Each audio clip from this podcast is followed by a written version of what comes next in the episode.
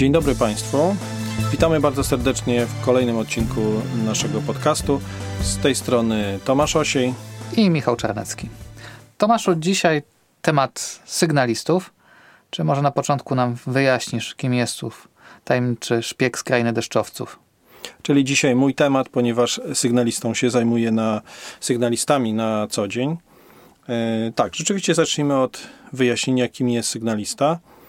E, sygnalista to jest ktoś, sama nazwa mówi, kto sygnalizuje. Ktoś, kto informuje o nieprawidłowościach, ktoś, kto informuje o nadużyciach prawnych.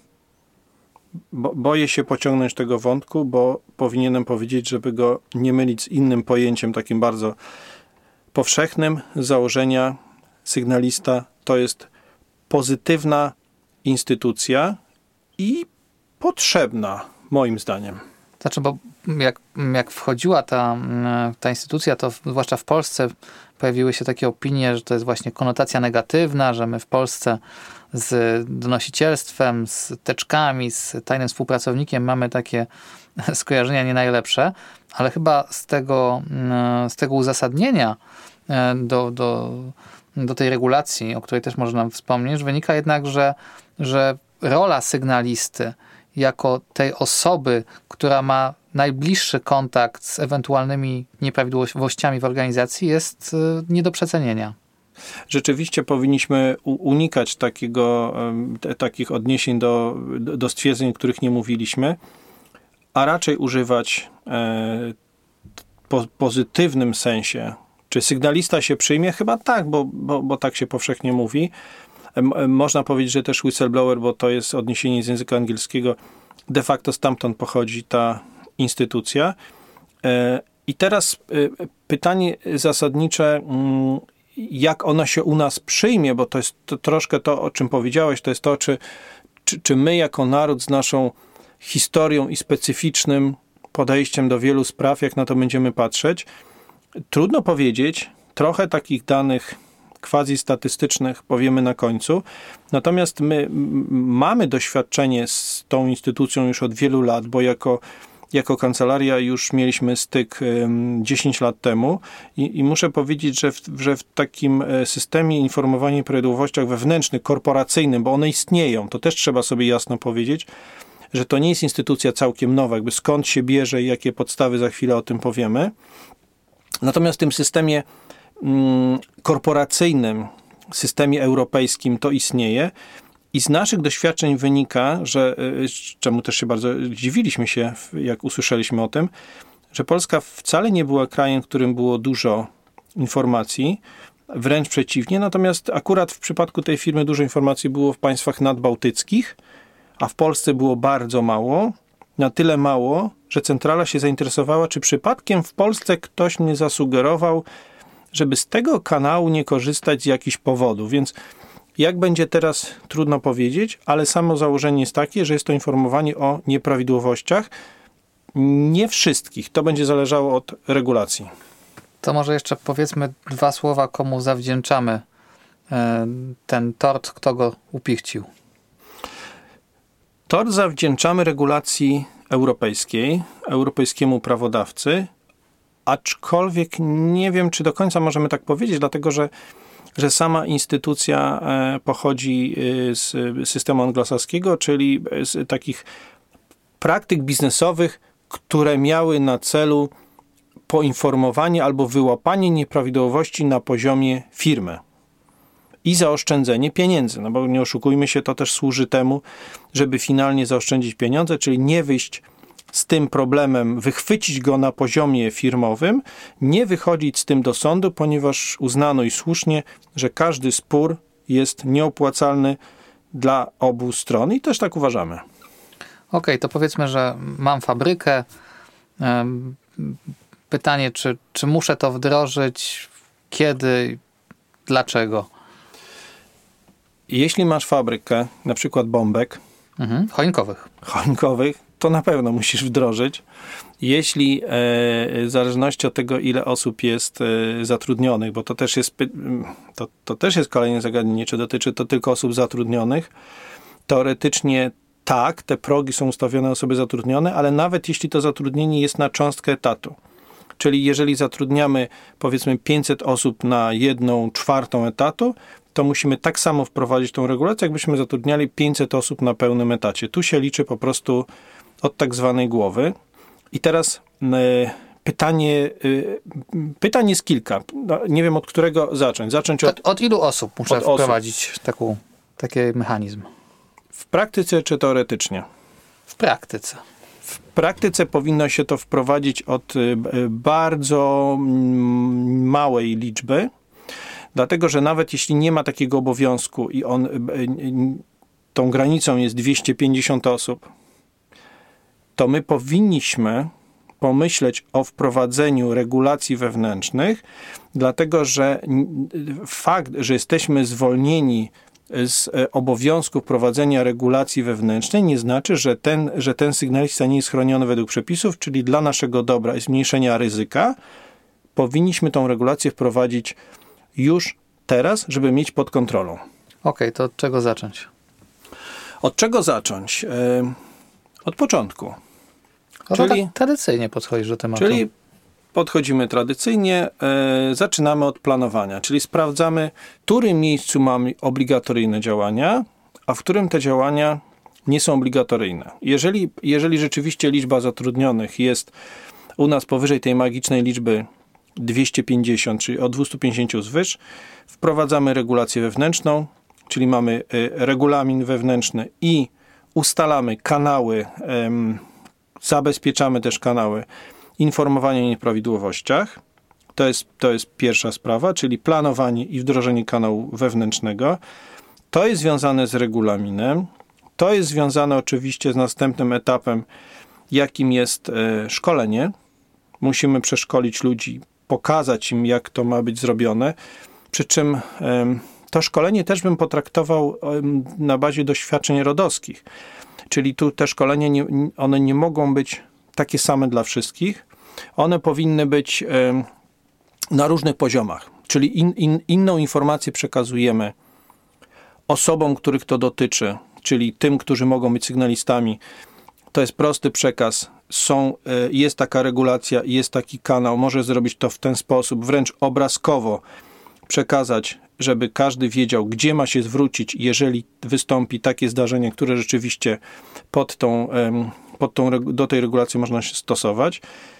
Inne szkolenie dla osób, które zarządzają, a zupełnie inne dla tych, które przyjmują te zgłoszenia. I szkolenie jest, no bez tego trudno sobie wyobrazić e, wdrożenie.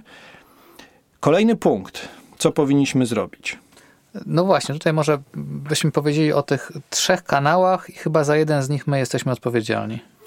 Yy, tak, przewidziano, regulacja jest bardzo ciekawa.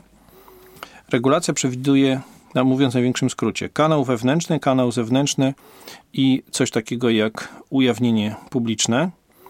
E, kanał wewnętrzny to jest ten, który mm, niektórzy, niektóre z podmiotów będą miały jako obligatoryjne będą musiały wdrożyć. Będzie to ich obowiązkiem. Kanały zewnętrzne to są kanały takie, gdzie sygnalista będzie mógł przekazać tą informację mm, do organów zewnętrznych, do, do, do tych instytucji państwowych, które będą, się, będą zajmować się tym i będą odpowiednie. Między innymi może to być Urząd Ochrony Danych Osobowych, nawiązując do ochrony danych, ale nie tylko Inspekcja Pracy i i jeszcze parę innych. Tutaj w centrum naszego zainteresowania będzie mm, e, Rzecznik Praw Obywatelskich.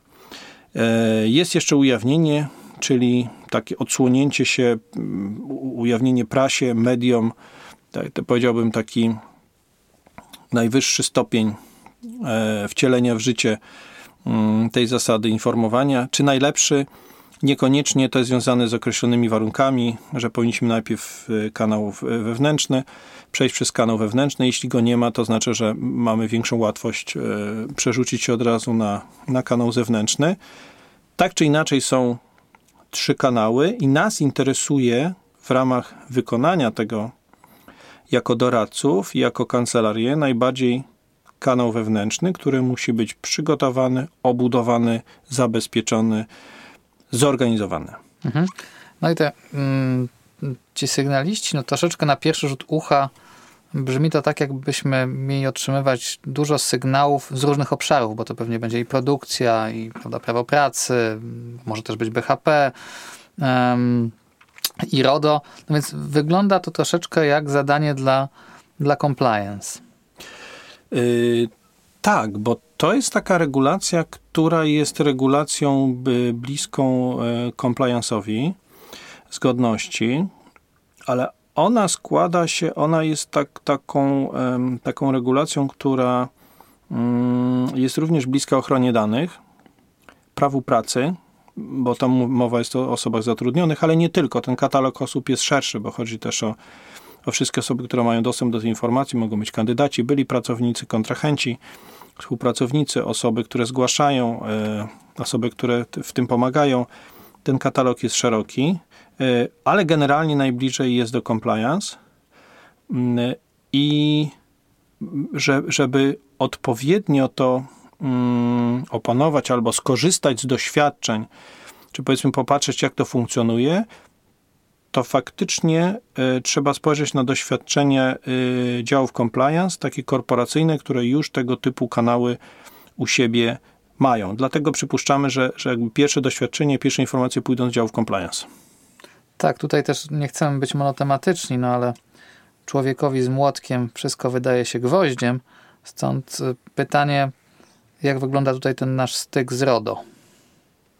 No, styk jest bardzo konkretny, dlatego że no trudno sobie wyobrazić um, sytuację, w której mamy do czynienia z danymi osobowymi, nie wchodząc w szczegóły, e, mówiąc najogólnie, mogą być zgłoszenia, które są zgłoszeniami anonimowymi, ale niekoniecznie muszą być anonimowe. Poza tym ktoś musi tą informację odkodować, czyli ktoś musi bardzo konkretny przypadek rozpatrzyć, więc mamy osobę, która to przyjmuje, mamy świadków, mamy osoby, które pomagają, mamy samego zainteresowanego, który jest tym, tym, tym celem e, zgłoszenia, albo inaczej jest przyczyną tego, e, tego zgłoszenia sygnalisty. W związku z czym ewidentnie mamy do czynienia z danymi osobowymi. Jeżeli mamy z danymi osobowymi, no to wiadomo, że RODO, no cóż innego. No i teraz pytanie, jaki jest styk? Yy, bardzo duży. Po pierwsze, powstaje nam nowy proces. Nie ma, nie ma żadnej wątpliwości, że jest to nowy proces, czyli dla naszego słynnego rejestru czynności przetwarzania tworzymy, mm, y, dopisujemy nowy proces y, i wszystko, co jest z tym związane. I teraz, ponieważ, ponieważ obaj zajmujemy się ochroną danych osobowych, więc mógłbym to pytanie spokojnie odbić do ciebie i powiedzieć, i powiedzieć, zadać takie pytanie, co należy zrobić, jeżeli mamy nowy proces? Twoim zdaniem abstrahując od tego, że jest to whistleblowing, po prostu mamy nowy proces, czyli... Mhm. Czyli privacy by design, czyli analiza ryzyka, czyli DPIA, czyli środki organizacyjne i techniczne, czyli szkolenia. Tak jest. To jest dokładnie to, co trzeba wykonać, plus o jednej rzeczy jeszcze trzeba wspomnieć, czyli klauzula. Mhm. Dlatego, że mamy też do czynienia z obowiązkiem informacyjnym słynnym, który może być tematem zupełnie oddzielnego naszego spotkania i myślę, że nawet nie do wyczerpania w jednym spotkaniu. I to jest to y, zamieszanie, które się stworzyło a propos y, informowania, ponieważ poinformowanie tej osoby kompletnie kładzie proces cały whistleblowingu. Natomiast to wszystko, co wymieniłeś, wchodzi nam w ten zakres obowiązkowy. Mamy po prostu do czynienia z nowym procesem, który trzeba obudować i zabezpieczyć. Co ciekawe, zwracam uwagę na jedną rzecz. W Polsce raczej bez większego echa, chociaż my pisaliśmy na naszym portalu o decyzji organu włoskiego, którą warto przeczytać. Ona nie jest długa, z tego co pamiętam ma 5 stron, ale jest bardzo treściwa. E, w tej decyzji organ się po raz pierwszy odniósł do dwóch kwestii, jeśli chodzi o sygnalistów. Po pierwsze powiedział, co jest podstawą przetwarzania, co też jest, było wyzwaniem dla prawników. Czy to jest zgoda, czy to jest przepis, czy to może jest jakiś uzasadniony interes. No, tam będą różne informacje, przypuszczamy, że nawet bardzo różne. Mm, e, I urząd wskazał wyraźnie przepis, po drugie, powiedział o niezwykłej wadze e, e, zabezpieczenia. Tam chodziło akurat nie zastosowanie mm, bezpiecznego protokołu, natomiast powiedział, jak ważne jest zabezpieczenie wszelkich informacji związanych z sygnalistą, więc dla nas ta, e, może to jest nasze też jakieś zawodowe zboczenie, ale dla nas ta kwestia bezpieczeństwa tutaj jest kluczowa, bo ona może odkryć tą osobę, i tak jak powiedziałem wcześniej, kompletnie zniweczyć cały proces sygnalisty, a weźmy pod uwagę jeszcze jedną rzecz. że jeżeli ktoś stworzył taki system i się okaże, że pierwsze, drugie albo którekolwiek z pierwszych zgłoszeń e, nie będzie udane i odsłoni sygnalistę, to oznacza, że wdrożenie tego będzie praktycznie niemożliwe, bo wszyscy będą wiedzieli, że znowu może się to wydarzyć. Zresztą proszę pamiętać o tym, że niedochowanie staranności, czy to, że się to wydarzy, e, oczywiście czego nie życzymy, mm, jest ujęte w sankcjach karnych. Więc to, to nie jest coś, co my możemy sobie pominąć i nie odpowiednio przeanalizować. I w kwestii analizy ryzyka, jeszcze jedna rzecz mi się przypomniała bardzo istotna. Mianowicie w analizie ryzyka bierze się pod uwagę różne scenariusze. Bo to jest taka zabawa, którą u nas akurat ludzie zajmujący się od bezpieczeństwa siadają i wymyślają wszelkie możliwe scenariusze. A prawnicy mówią, to się nie wydarzy, to, to nie będzie, a później życie nam podpowiada, że jest jeszcze więcej. I teraz o tyle łatwiej jest u sygnalistów, że w samej ustawie podane są te działania, które, mogą, które nie powinny spotkać takie odwetowe sygnalisty, i to dla nas jest to określenie ryzyk, które możemy wprowadzić do analizy, i one są bardzo szerokie. Tak, i tak na koniec jeszcze wspomnę, że jeden z sygnalistów u nas w firmie zdradził mi, co chciałbym potwierdzić, że podobno przez jakieś rosyjskie satelity pozyskałeś pewne dane statystyczne. Tak, niestety nie możemy odkryć sygnalisty, bo e, zgłoszenie anonimowe, więc, e, więc nasz system działa mm, idealnie. Ale tak, rzeczywiście pozyskaliśmy takie dane. Pozyskaliśmy nawet e, te dane dwukrotnie. To znaczy, jedne zostały pozyskane i przełożone na wywiad, który możecie Państwo przeczytać na portalu, zanonimizowane oczywiście ale tam są ciekawe informacje dotyczące tego, jak długi jest to proces, jeśli chodzi o wdrożenie. To nie są dni, to, to, to są tygodnie, a tak naprawdę miesiące. I drugi, rzeczywiście pozyskaliśmy bardzo ciekawe dane z jednej z firm dotyczące tego, ile jest zgłoszeń. I powiem tak, jest ich dużo. jest ich dużo i one podlegają selekcji. I ta preselekcja jest bardzo e, wysoka, dlatego że liczba zgłoszeń jest rzeczywiście e, ogromna po preselekcji pozostaje e, przeciętnie kilkanaście zgłoszeń w miesiącu, które wymagają przepracowania. Przy czym to jest naprawdę duży podmiot. I to może, może też może nam powiedzieć o skali. Przy czym zwracamy uwagę, że te dane pochodzą z czasów, kiedy jeszcze sygnalista nie był objęty tak daleko idącą ochroną, więc te, te statystyki dopiero nam się stworzą. To w takim razie czekamy na statystyki. Na dzisiaj się żegnamy. Dziękujemy bardzo. Do tematu zapewne jeszcze powrócimy, jak już będzie e, dużo bardziej, że tak powiem, rozhulany. A tymczasem życzymy spokojnego przetwarzania. Dziękujemy. Do usłyszenia.